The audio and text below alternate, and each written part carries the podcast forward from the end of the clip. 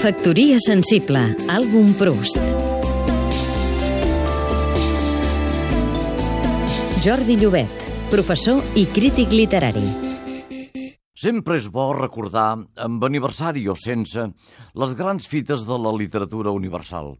Avui recordarem la persona i l'obra de Marcel Proust.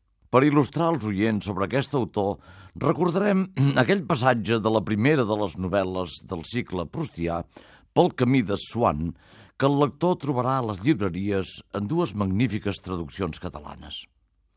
Proust hi explica que un dia, ja adult, va mullar una magdalena en una tassa de te i que llavors li va venir a la memòria aquella mateixa situació quan era petit. La magdalena no era com les que mengem nosaltres, sinó cuita dins un recipient com una petxina de Sant Jaume, una vieira. Però això és el de menys. El que importa és que darrere d'aquest record s'obren les dimensions fabuloses de la memòria, amb tanta força que fan que Proust, com tots nosaltres, passem per la vida acumulant records. Aquests records donen gruix i solidesa a les nostres existències. No fem altra cosa mentre vivim que acumular sensacions que sempre tornen.